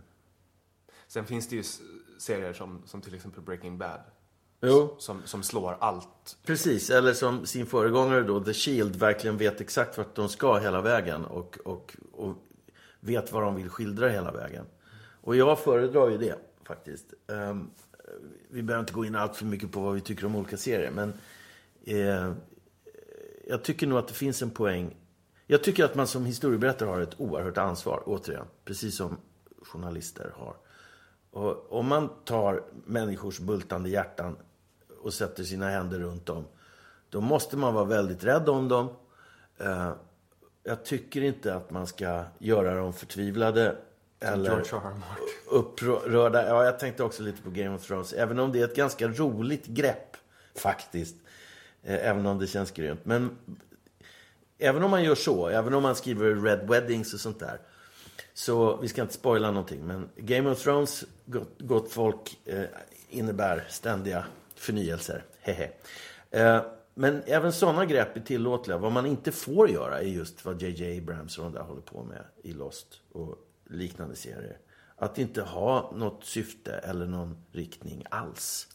Nej, jag blev så besviken. Det är så alltså- korkat. Då kan man lika gärna faktiskt ha en dator som är huvudförfattare som säger Plötsligt kommer en isbjörn. Alla ser förvånade ut. Vilket ju är exakt vad som händer i en av de första avsnitten av Lost säsong 1. Plötsligt dyker upp en jävla isbjörn på en söderhavsö och bara oh vad spännande. Och så, får man aldrig mer höra något om den där satansbjörnen. Och sen när de har flippat oh. på en jävla ubåt. Ah, de har någon hangar för. Alltså det är helt jag avråder alla som pratar om Lost att kolla på Lost. För att det är en stor besvikelse. Nej, även, även om man är ganska engagerad. Men titta på säsong ett. Men förstå detta. Det, det är från avsnitt till avsnitt så är det de enskilda historierna och just tillbakablickarna som är det spännande. Mm. Och när ni har sett säsong ett, stäng av. Ja. Och säsong ett var bra. Det bäddade upp för någonting riktigt mm. bra och sen blev det inte så bra. Nej. Exakt så är det. När det kommer till film då, vad har du för favoriter bland filmer? Vi måste ju ändå diskutera lite kultur när vi, är det så? När vi pratar med en kulturgubbe. Jo, jag har en kulturgubbe, ja. Just det. Vad har jag för favorit? Jag, jag har ju en väldigt eklektisk smak. Jag kan tycka att uh, Guardians of the Galaxy uh, volym 1 är fruktansvärt bra till exempel. Jag tycker att Gudfadern är uh, enormt bra. Jag tycker att uh, Charlie Kaufmans adaptation är jävligt bra. Det, jag, jag, kan inte liksom peka ut en genre riktigt. Jag kan beklaga att så väldigt mycket av Hollywoods muskler nu har lagts på de här tecknade hjältarna. Även om de är, har varit rätt roliga individuellt. Jessica Jones är ju en sån här Marvel-skapelse till exempel. Um, men jag tycker att det är lite tråkigt att de här singelfilmerna har försvunnit. Tootsie, Rain Man. Um, de intelligenta eh, berättelserna som bygger på karaktärsutveckling och oväntade ehm, ja, ov- oväntad händelseutveckling och, och eh, den här lite humanistiska touchen. De kommer ju lite nu och då, men det är mycket. Ja, det är, det är few and far between måste jag säga. Numera. För att göra en liten koppling där till Åland så skrev jag en grej 2016. Jag satt, satt bakfull och tittade på Gudfadern, den andra filmen. Ja, Och, och så noterar jag att Vito Corleone anlände till New York i ett fartyg som heter Moshulu. okej. Och det var ju ett åländskt fartyg. Ett Gustav Eriksson. Nej. Jo. Och, och det här gjorde jag ju ett avslöjande. Du vet, 30 år efter. Det är fruktansvärt kul. Det här, var ju, det här var väldigt kul därför att jag kollade i arkivet också och fann att min farfar hade skrivit en grej för Ålandstidningen om Gudfadern. När den hade kommit. Eh, och det var väl 76, eller något sånt. Eh, och då skrev jag, typ 33 år senare eller någonting, så skrev jag ett avslöjande om det åländska fartyget på The Silver Screen. Det visade sig också att Moshulu, som hade Mariehamn som hemmahamn, även spelar med i en Rocky-film. Därför att eh, hon låg i Penn's Landing, där han sprang förbi.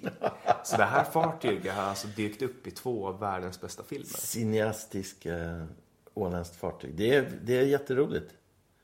Framlidne Sebba Södergård skulle ha älskat den detaljen. Han älskade att alltid peka ut det åländska i storfilmer.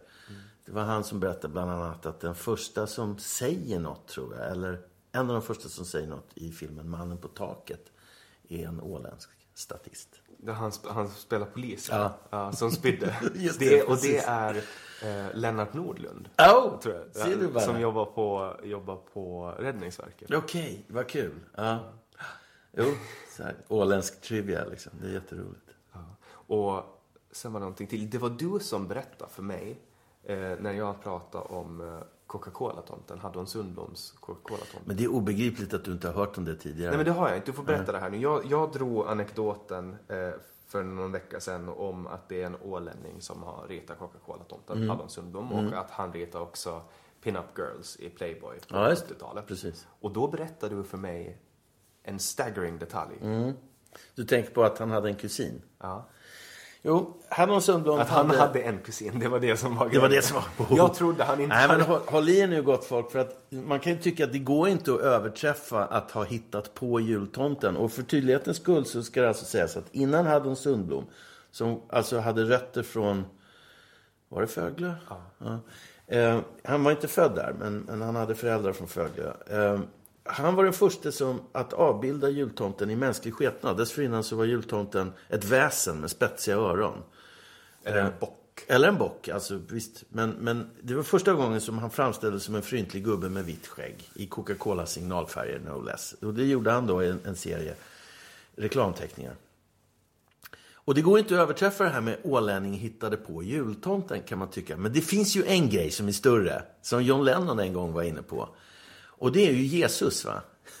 Och det är faktiskt så här att Haddon Sundblom hade en kusin som också var illustratör. Och som tecknade den Jesusgestalt som kom att reproduceras mest av alla i hela världen. Den här klassiska med det långa hippiehåret och den där fina eh, getskägget liksom. Det var, han var också ålänning. Jag minns tyvärr inte hans namn. Men hans Jesusgestalt är den som är allra mest spridd på vykort och illustrationer i biblar i hela världen. Så ålänningarna ligger diskret bakom både jultomten och Jesus. Tror du att det är någon speciell gen bland sundblommare som gör att man eh, personifierar legendarer eller legender? Jag tror faktiskt att det är på det sättet. Att det är... Eh, du vet att det finns en, en judisk legend om att det finns 36 eh, änglar som vandrar runt i världen vid varje givet tillfälle. De heter eh, Lamed Vavniks. Som, och det fina är att man vet aldrig när man träffar på en sån, men det är liksom egentligen en, ängel. Så därför måste man alltid vara vänlig mot främlingar. Jag tror att det är så med sundblommorna också. Det finns 36 sundblommare överallt i världen vid varje givet tillfälle. Som personifierar legender. Ja, så är det.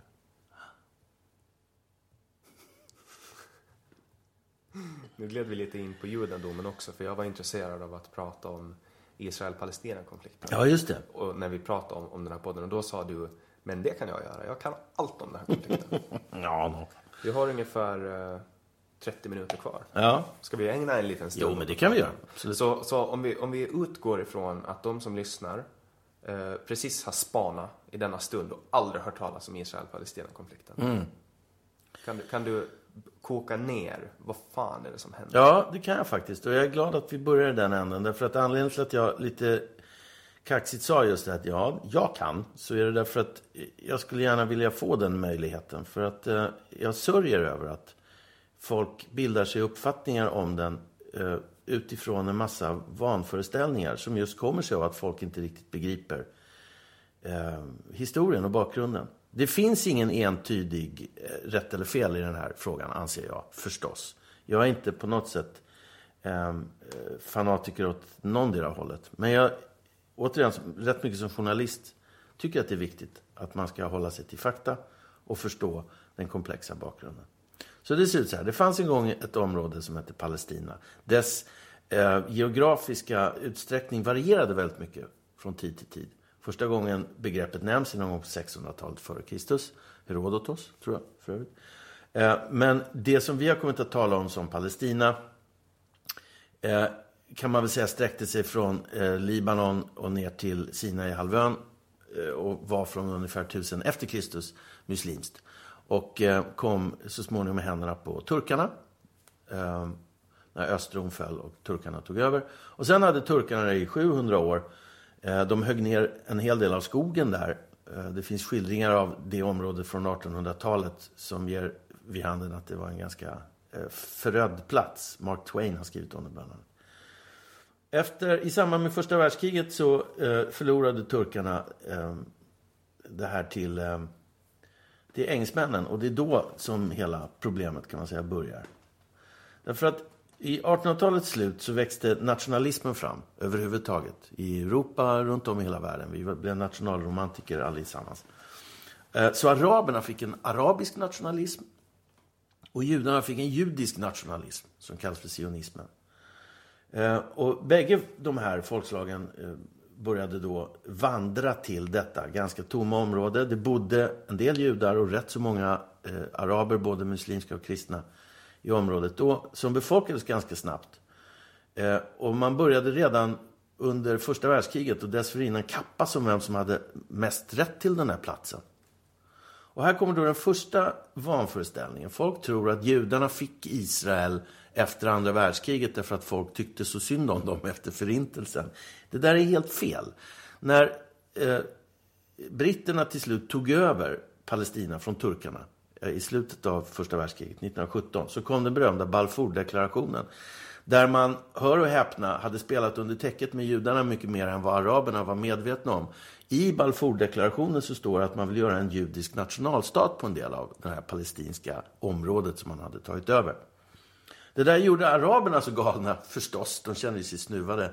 Så att eh, engelsmännen, för att vara lite schyssta, gav bort närmare 80 procent av Palestina till ett land som heter Transjordanien och som sedermera blev Jordanien. Och det är de här 20 återstående procenten som ligger närmast Medelhavet som alla har bråkat om sedan dess. Det innehåller bland annat eh, Jerusalem som är en mycket, mycket helig stad för många religioner. Eh, så först den arabiska sidan och sen efter andra världskriget också den judiska sidan eh, började tillgripa mer och mer terror mot varandra. Man slog ihjäl varandra till höger och vänster. Och när man inte gjorde det så kastade man massor av bomber på britterna. Som till slut blev så jävla trötta på att försöka ha de här kivande tokstollarna eh, in på knutarna. Stormuftin av Jerusalem bland annat samarbetade med Hitler under kriget och eh, försökte göra livet så surt som möjligt för judarna.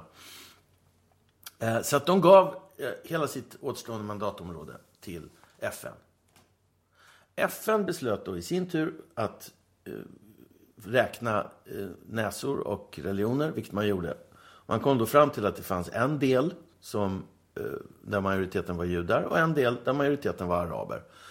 Och då tyckte man att okej, okay, men nu sätter vi den här judiska nationalstatsidén i verket från 1917. Så judarna får den delen där de är i mest majoritet och araberna får den delen där de är mest i majoritet. Och så föreslog man att man skulle dela upp det här området i två delar. Ett skulle heta Israel och ett skulle heta Palestina. Och FNs generalförsamling tyckte att det var en jättebra idé och sa ja. Dessvärre så fanns det ingen enda arabisk stat som tyckte det var en minsta bra idé. Så 1948, typ fem dagar efter att de här staterna hade utropats, eh, palestinierna vägrade överhuvudtaget att acceptera sin del. Från och med nu så använder jag ordet palestinier för de arabiska eh, palestinierna. Eh, dessförinnan så var ju även judarna att betrakta som palestinier. Alla som bodde i detta område som kallas för Palestina var palestinier. Så de som skulle ha bott i detta tänkta land, Palestina, ville inte ha någonting med saken att göra av olika politiska skäl. Judarna sa ja och blev från och med nu då att betrakta som israeler. De här arabstaterna anföll genast det lilla landet Israel för man ville ha bort dem från kartan. Men Israel lyckades försvara sig så framgångsrikt så att man eh, till och med la under sig lite ytterligare land. Och i detta kaos som följde då på eh, det första kriget 1948 så skapades den dubbla flyktingkatastrof som fortfarande hemsöker eh, världen, får man väl säga. För i detta krig, som då var arabstaternas anfallskrig mot en stat de trodde de skulle kunna krossa som en liten lus. I detta krig så blev runt 650 000 eh, människor hemlösa på den palestinska sidan. Deras land, det tänkta landet Palestina, eh, uppslöps av eh, Israel, Jordanien, Egypten tror jag också. Eh, och eh, de stackars palestinierna, 650 000, eh, flydde från sina hem. Eh, en del menar att de allihopa kördes bort, i ena palestinska sidan. En del menar, den israeliska sidan, att eh, eh, israelerna vädjade till dem att de skulle stanna kvar, men de flydde i alla fall därför att de hade blivit skrämda av sina ledare. Det finns stöd för bägge teserna, men visst tusan blev många bortdrivna och visst skedde det eh, övergrepp mot civilbefolkningen. Allt nog, 650 000 palestinier tvingades fly. Samtidigt så skedde en annan flyktingkatastrof som ingen pratar om. Det var 300 000 judar fördrevs från arabländerna. Från 1948 och fram till 1975 så har närmare 900 000 judar kastats ut från arabländerna. Och de allra flesta har åkt till Israel. Så det är två flyktingkatastrofer som har hänt här. Problemet är att den ena flyktingvågen, den judiska, togs hand om av Israel. Medan den andra flyktingvågen, palestinierna, och det här som är en av de stora skamligheterna som nästan ingen känner till som har en åsikt i den här frågan. Så är det att de fick inte bli medborgare någonstans. Det finns inget arabland annat än Jordanien som tillåter palestinier att bli medborgare. Därför att de har ju sin nationalhem i Palestina, ju, säger de arabiska ledarna slukt. De har under alla åren nämligen haft en väldigt stor nytta av att hålla den här palestinska orättvisan vid liv. För då på det sättet kan de slippa oönskade diskussioner om sina egna styrelseskick som inte alltid har varit de trevligaste. Det finns ju inga, eh, tyvärr, eh, demokratiska arabstater, möjligen med undantag av Tunisien. Eh, så, eh, de här stackars palestinierna har då fått ruttna i flyktingläger. Det är visserligen inga tältläger. Flyktingläger ger ju annars liksom visioner av, Eh, ja, du vet, just tältläger och sådär. Men vi pratar om städer inne i Libanon och i Jordanien. Eh, trevåningshus med avlopp. Jag har sett dem själv. Men de kallas för flyktingläger av just den anledningen. Därför att de som bor där får inte bli medborgare i landet.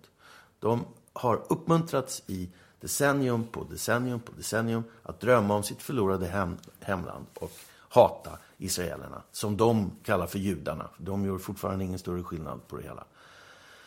Det har lett till åratals eh, förtvivlan eh, och desperation som har lett till eh, terrorism av olika slag där man har ansett, ofta på 60 och 70-talet i alla fall, och även senare, att alla judar har varit eh, lagliga mål att mörda. Eh, Israelerna å sin sida har betraktat Eh, de här palestinska ledarna med ganska stor misstro eh, av just den anledningen, den här terrorn på 60, 70, och 80-talet. Och har med tiden blivit mer och mer högervridna och eh, misstrogna i största allmänhet. Så chanserna, utsikterna till fred tycks vara mindre än någonsin just nu. Eh, det har hänt mycket de senaste åren, sedan 80-talet. Tre så kallade intifador eh, och en massa andra grejer som vi inte kanske behöver gå in på. Men det här är den viktiga, viktiga bakgrunden. Palestinierna har cyniskt utnyttjats av arabiska diktatorer för att utgöra ett ständigt blödande sår mitt i Mellanöstern. Ehm, de har utnyttjats hänsynslöst under kalla kriget och sen av eh, skillnader i religion som sunni och shia. Eh, Israelerna å sin sida har varit hänsynslösa mot den hjälplösa lokalbefolkningen. De har satsat förvalta eller tagit sig för att förvalta. Ehm, och bägge sidorna har liksom kommit att se varandra som eh, omänskliga på något sätt. Men palestinier är välkomna i Israel? Eh, både ja och nej. Det finns alltså ett, ett, stort antal, närmare en miljon tror jag, eh, israeliska araber. Eh, som ju naturligtvis, de allra flesta av dem, är av palestinsk härkomst. Palestinsk då i den bemärkelsen att de kommer från regionen Palestina. Eh, men det finns också ett, ett stort område som kallas för Västbanken som Israel erövrade av Jordanien i kriget 1967 och som Jordanien dessförinnan erövrade av Palestina i kriget 1948, om vi ska gå tillbaka så mycket. Men det är i alla fall fortfarande ett område som ingen har riktigt laglig rätt till. Och de människorna som bor där är delvis självstyrande i någonting som kallas för den palestinska... Eh, vad fan heter det? Palestinian Authority heter det på engelska i alla fall. Som har en president. Det finns också ett, ett litet område som heter Gaza invid Egypten som inte utan skäl har kallats för eh, planetens rövhål, tyvärr. Det är världens mest tättbefolkade område, 50 i arbetslöshet. Eh, galna islamister som styr. Det är där Hamas Det är där Hamas bor. Sätts i ständig blockad av både Israel och Egypten. Eh, för att man inte ska kunna smuggla allt för mycket vapen in. Däremot så tillåter israelerna både mat och medicin att komma igenom, vilket omvärlden ofta glömmer. Bla, bla. Eh, och Hamas är då en terrororganisation som, som har det, satt som mål att skjuta raketer. Hamas har i sin charter att förstöra Israel. Man accepterar inte Israel som, som någonting. Och de lägger alla sina pengar på att göra israelerna på andra sidan gränsen illa istället för att förbättra för sin egen befolkning. Och vad är det som gör att ingen tar tag i det här? Alltså... USA har ju en tendens att, att ge sig in i olika... Ja, visst, men du vet väl vem som styr i USA just nu. Låt mig få avsluta denna lilla redogörelse genom att peka ut vems fel det är. Det är nämligen gubbarna med skägg som fäktar med Gud. Det är alltså Jesus fel? Nej, det är alltså alla jävla gudars fel. Eller framförallt alla mänskliga uttolkares av eh, eventuell, eventuell gudomsvilja. När du sa gubbarna med skägg, då tänkte jag direkt på araberna. Ja, det är festligt. Jag tänker direkt på judarna om vi ska... Alltså, alltså de här chassidiska med långa payes, såna här öronlockar som man ser i New York. Men, men oavsett sida och oavsett nyanser, för jag, kan, jag har ju lite min egen tribe i det här som jag bortser ifrån just nu. Vilken är det? Nej, men jag, jag har en, en judisk eh, vad ska jag säga, bakgrund på många sätt. Så att jag kan väl sympatisera med de mänskliga strävanden som fanns från början. Släktmässigt eller konfessionsmässigt? Uh, alltså jag har nog ingen konfession. Jag kan väl säga att jag, jag, jag är en sorts uh, kulturell och intellektuell jude, men inte en särskild... Du är delaktig i den judiska världskonspirationen. Ja, som styr, just som, som styr media. Därmed, det är din roll. Det. Du är liksom... Så är det. Men, men det spelar ingen roll, för jag tycker att det är just eh, alla sidor som, som påstår att Gud vill att det ska vara så här och sen stympar sina kvinnor, mördar sina systrar, eh, piskar sina barn och gör eh, sina grannar till demoner. Det är deras fel. Man skulle ta ifrån dem deras jäkla eh, heliga böcker och tvinga dem att laga mat och ta hand om ungarna lite. Så skulle allting bli mycket bättre. Om du någonsin åker till det här området så ät deras mat på bägge sidor. Sitt med dem en kväll, titta på deras bröllop, lyssna på deras poesi och deras musik. Den här regionen skulle kunna bli världens mest dynamiska, vibrerande, underbara plats om folk bara kunde liksom få Gud ur hjärnan och se människorna i varandra istället. Finns det någon religion som är bättre än någon annan då? Nej, det vill jag ärligt talat inte gå in på. Jag tycker eh, antingen så är det det flygande spagettimonstret. Ja. Du vet jag... att, att jag och, och, min kompis Samuel försökte starta ett samfund en gång. Jaha. Ja. Eh, Fin- Finlands kyrka för det flygande spagetti. Ja, ja, just det. Men vi gav upp det här med att vi blev nekade att få uppbära skatt. Okej. Och vi ansåg att det var en rättighet så vi... Det är klart att det skulle ha varit det. Eller så borde ingen få uppbära skatt, kanske man kan tycka. Och det här var ju, som, det här var ju en, en protest. Nej, men jag vill, jag vill inte hålla på och rangordna religioner. De går att uttolka på olika sätt. Så länge man liksom vinnlägger sig om att eh, tro på någonting som är till godo för mänskligheten och framförallt inte bråka med andra om saken så, så kan man få tycka vad man vill. Det var som någon brittisk premiärminister har sagt att religioner är som eh, genitalier. Det är trevligt att ha, men man behöver inte vifta med dem i varandras ansikte. Om, om den andra inte är med på det med andra. Ja, just det. Jag kan tänka mig att det finns de som tycker om det. Ja, ja, visst. Eh, consenting adults får göra vad de vill. Mm. Så länge det finns ett samtycke underskrivet. Yes. Kontrakt. Så från en sak till den andra. Vad tycker du om samtyckeslagen? När vi ändå pratar om jag tycker att den är jättebra. Jag tycker allting som kan eh, hindra övergrepp eh, är utmärkt. Och den har redan hindrat många övergrepp. Men det finns utvärderingar från Sverige som visar att det funkar. Fler åker dit för vad som är alldeles uppenbart våldtäkt. Så det är jättebra. Heja, heja. Är det något annat ämne du vill att vi ska diskutera? Något som du brinner för? Nej, nej, egentligen inte. Inte idag, Jannik. Vi får återkomma om saker. Jag, jag tycker att det här formatet är fantastiskt för att jag förbereder mig inför intervjuerna. Eller intervju, jag, säger, jag fortsätter säga intervju men jag menar samtal. För det här är ett samtal. Eh, så jag låter dem liksom sväva vart de än vill. Jag gör den här lilla introduktion, introduktionen men sen är det liksom klart. Finemang. Vad, vad, tänk, vad, vad var din initiala tanke om ett långformat? Ja, men jag, vet du vad, jag ska vara helt uppriktig. Jag är lite skeptisk till det här podderiet eh, som, som, som, som genre. Jag tycker att det ibland kan mest bli som liksom, lite taskigt redigerade ofokuserade radiointervjuer. Liksom. Jag, för jag är lite gamla gardet. Jag älskar radio. Jag är en, en stor radiot. Jag har jobbat med radio själv. Eh, och jag kan ibland tycka att det ska vara jävligt intressanta människor till att sitta och babbla så länge liksom, man ska orka lyssna på det. Men sen har jag också förstått att folk lyssnar på poddar i andra situationer och på andra sätt än vad folk lyssnar på radioprogram. Så jag har motvilligt kommit att acceptera att det nog inte bara är såna här ungdomsgriller utan att det kanske har någon Så under för- nästa vecka så kommer ungefär 150 personer att lyssna på hela det här samtalet. Om man kollar på statistiken. Jag tror inte att det finns någon anledning att misstänka att du inte skulle få så många. Jag tror kanske till och med lite mer med tanke på hur många som numera tycker om att diskutera dig i olika Facebookgrupper. Just det. Mm. Och nu Nej, har vi ju spett på det här lite. Ja, just. Nu, nu, nu har vi även dragit fram den judiska konspirationen. Ja, den judiska världskonspirationen. Mm. Vi kan väl prata lite konspirationsteorier? Ja, För det, det är ingenting du tycker om. Du tycker om konspirationsteorier så länge de inte handlar om, Jag gillar konspirationsteorier jättemycket så länge de är fiktiva. Eh, som konst- Paul is dead till exempel. Ja, nej men alltså, man, man ska ha det klart för sig att konspirationsteorin har ju någonting oerhört väsentligt gemensamt med alla de bästa berättelserna, nämligen pirret. Det pirrar till i ens maggrop när man förstår att det där oskyldiga trafikflygplanet som drar förbi på väg till Helsingfors två gånger varje dag i själva verket är en del av en eh, government conspiracy som försöker förgifta oss eller förändra oss. Eller, och så, ja, men du vet, och så fortsätter det. Och det är klart att, att eh, ja, det finns så många konspirationsteorier som är så läckra därför att de pirrar och därför att de förklarar allt. Jag tror att vi människor är meningsskapande djur som föds med en, en hungrig blick efter samband. Eh, och eh, man, eh, vi ser samband i det mesta. Och en viktig del av vår överlevnad har ju varit narrativet, att kunna berätta en historia. Ja, ja visst. Det, Berätta historier om hur man dödar en mammut liksom. Mam, hur, hur talar man det? så, det var så vi blev till plötsligt för runt 80 000 år sedan. Så fick vi en ny sorts hjärnor som gjorde att vi kunde kommunicera både över långa avstånd och över tid med hjälp just av historier. Det var när vi började äta kött som det hände.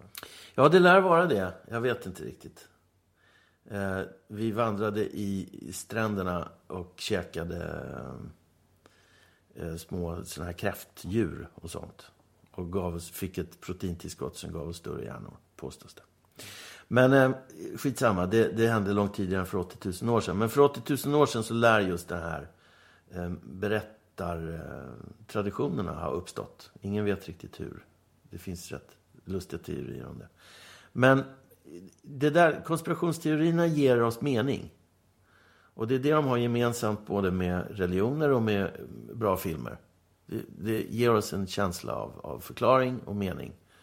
Eh, för vi står inte ut med tanken på slumpen. Den är, slumpen är som döden. Det går inte. Vi står inte ut med slumpen, men vi kan, vi kan hantera ödet. För den har i alla fall en poäng med sig. Tror Så, du på ödet? Nej. Tror du på någonting? Ja, jag tror på att vara snäll. Jag tror att det är... Då har du en moral? Om du så vill. Mm. Man pratar mycket om, om, eller man pratar inte om det moraliska förfallet, men Jo, alla pratar ju om det moraliska förfallet i alla generationer. ja, och jag är inte, inte, inte, så intresserad av att instämma i den kören. Jag tror att människan är ett, den snälla apan. Född egentligen till att kompromissa och låta alla vara i fred och sköta sig själva. Vi är inte särskilt bra på det Eh, i jämförelse med vad vi skulle vilja vara. Men det är väl kanske det som är det sympatiska hos oss, att vi drömmer om någonting som kunde vara bättre. Det tror jag inte att eh, de andra primaterna riktigt har lyckats med. Så eh, jag, jag, nej, jag tror inte på så mycket annat än att vara snäll, att eh, vara kärleksfull mot dem man älskar och laga god mat och sitta i solen den lilla korta stund man har och göra det bästa av det. Tror du på godhet och ondska? Nej, inte, inte i så simpla termer, nix. För, för det, det pratar man ju också mycket om man pratar om godhet, alltså som, som till exempel, och det här minns jag förra sommaren när Elin Ersson stoppade det här flyget. Mm, just det. Så följde jag den live-feeden och då var det väldigt många kommentarer där folk skrev du är så god och duktig. Mm. Och, och då, då tänker jag så här, alltså godhet, vad är godhet? Ja, alltså i, i, på ett sätt så kan man ju se det, och det är väl då det börjar bli farligt, i termer av status. Där god är den högsta statusen och ond är den lägsta statusen. Eh, och det får ofrånkomligen med sig att vissa bekräftelsenarkomaner och eh, hycklare försöker framstå som så goda som möjligt. Eller han, ja, eh, inte kanske i handling, men, men väl i, i sina egna ord. Och det där ger, inom citationstecken då, godheten för mig lite en, en taskig smak. Eh, jag, tycker inte, jag, jag, tycker inte att man ska röra sig med de termerna om människor. Däremot så kan man tala om goda och onda handlingar. Det tycker jag man kan göra. Mm. Och då får man väl se lite till effekten och lite till avsikten. Och, För där kan man ju ett, ur ett filosofiskt grepp vända på det. Som till exempel en, ur en psykopats perspektiv. En psykopat som njuter av att se någon annan fara illa. Mm. Så är det ju en god handling att få en annan människa att Lida. Ja. Jo, men nu var ju inte godheten till för eh, den egna personens skull. Utan då får man försöka tänka sig in i, i eh, vad andra... Eh, hur andra upplever situationen. Det tycker jag, det har jag alltid försökt lära mina barn som ett rättesnöre. En sorts omvänd gyllene regel. Gör inte mot andra det du inte vill att andra ska göra mot dig. Mm. Vilket jag tycker är en lite sundare variant än den kristna att man ska göra mot andra det man vill att andra... Det blir, man blir som en sorts eh, korstågare. Ja, så det finns ju de som tycker om att bli bakbundna. Liksom. Ja, jag tycker man ska vara återhållsam och försiktig och lite snällt skeptisk mot det mesta. Mm. Med det så tackar vi Mikael Hancock för ett trevligt samtal. Tack, tack. Eh, påminner er om att ni hittar alla våra avsnitt på www.samtal.ax ni kan också gå in på vår hemsida och tipsa ifall det finns någon som ni vill höra i podden. Och då ska jag passa på att fråga Mikael också, finns det någon du vill höra i podden? Hmm. Oj, så där bara von oben. Eh, Mogens Lindén skulle jag vilja höra. Mm. Han finns på min lista. Ja. Då ska jag göra mitt bästa för att få hit Mogens Lindén. Jag tror inte att det kommer att bli så svårt. Jag har, jag har mött många skeptiker som har sagt att eh, ja, men hur ska du få ihop folk till podden. Men Nej, det, det finns en bra. hel rad människor som vill prata om sig själva där ute. Barbro Sundback vore kul också. Ja, vi får se om hon, om hon vill komma. Mm. Det, det, finns de som, som tackar nej. Va? Till ja. dig? Ja, i synnerhet kvinnor. Oh. Jag vet inte varför det är så, det är jättetråkigt. Men, men man får fråga tre kvinnor. Mm, jo, men så är det. Får ett ja, mm. och jag har bara fått ett enda nej från en man. Eh, kvinnor är som alltid klokare än män och också mer anspråkslösa av just den anledningen. Mm. Cool. Tack så jättemycket, Mikael. Tack och hej.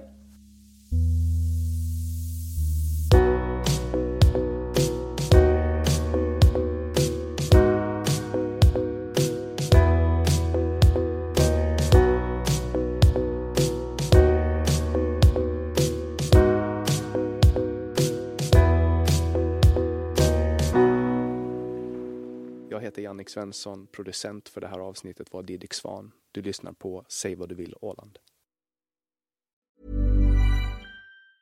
Even when we're on a budget, we still deserve nice things. Quince is a place to scoop up stunning high-end goods for 50 to 80% less than similar brands. They have buttery soft cashmere sweaters starting at $50, luxurious Italian leather bags, and so much more.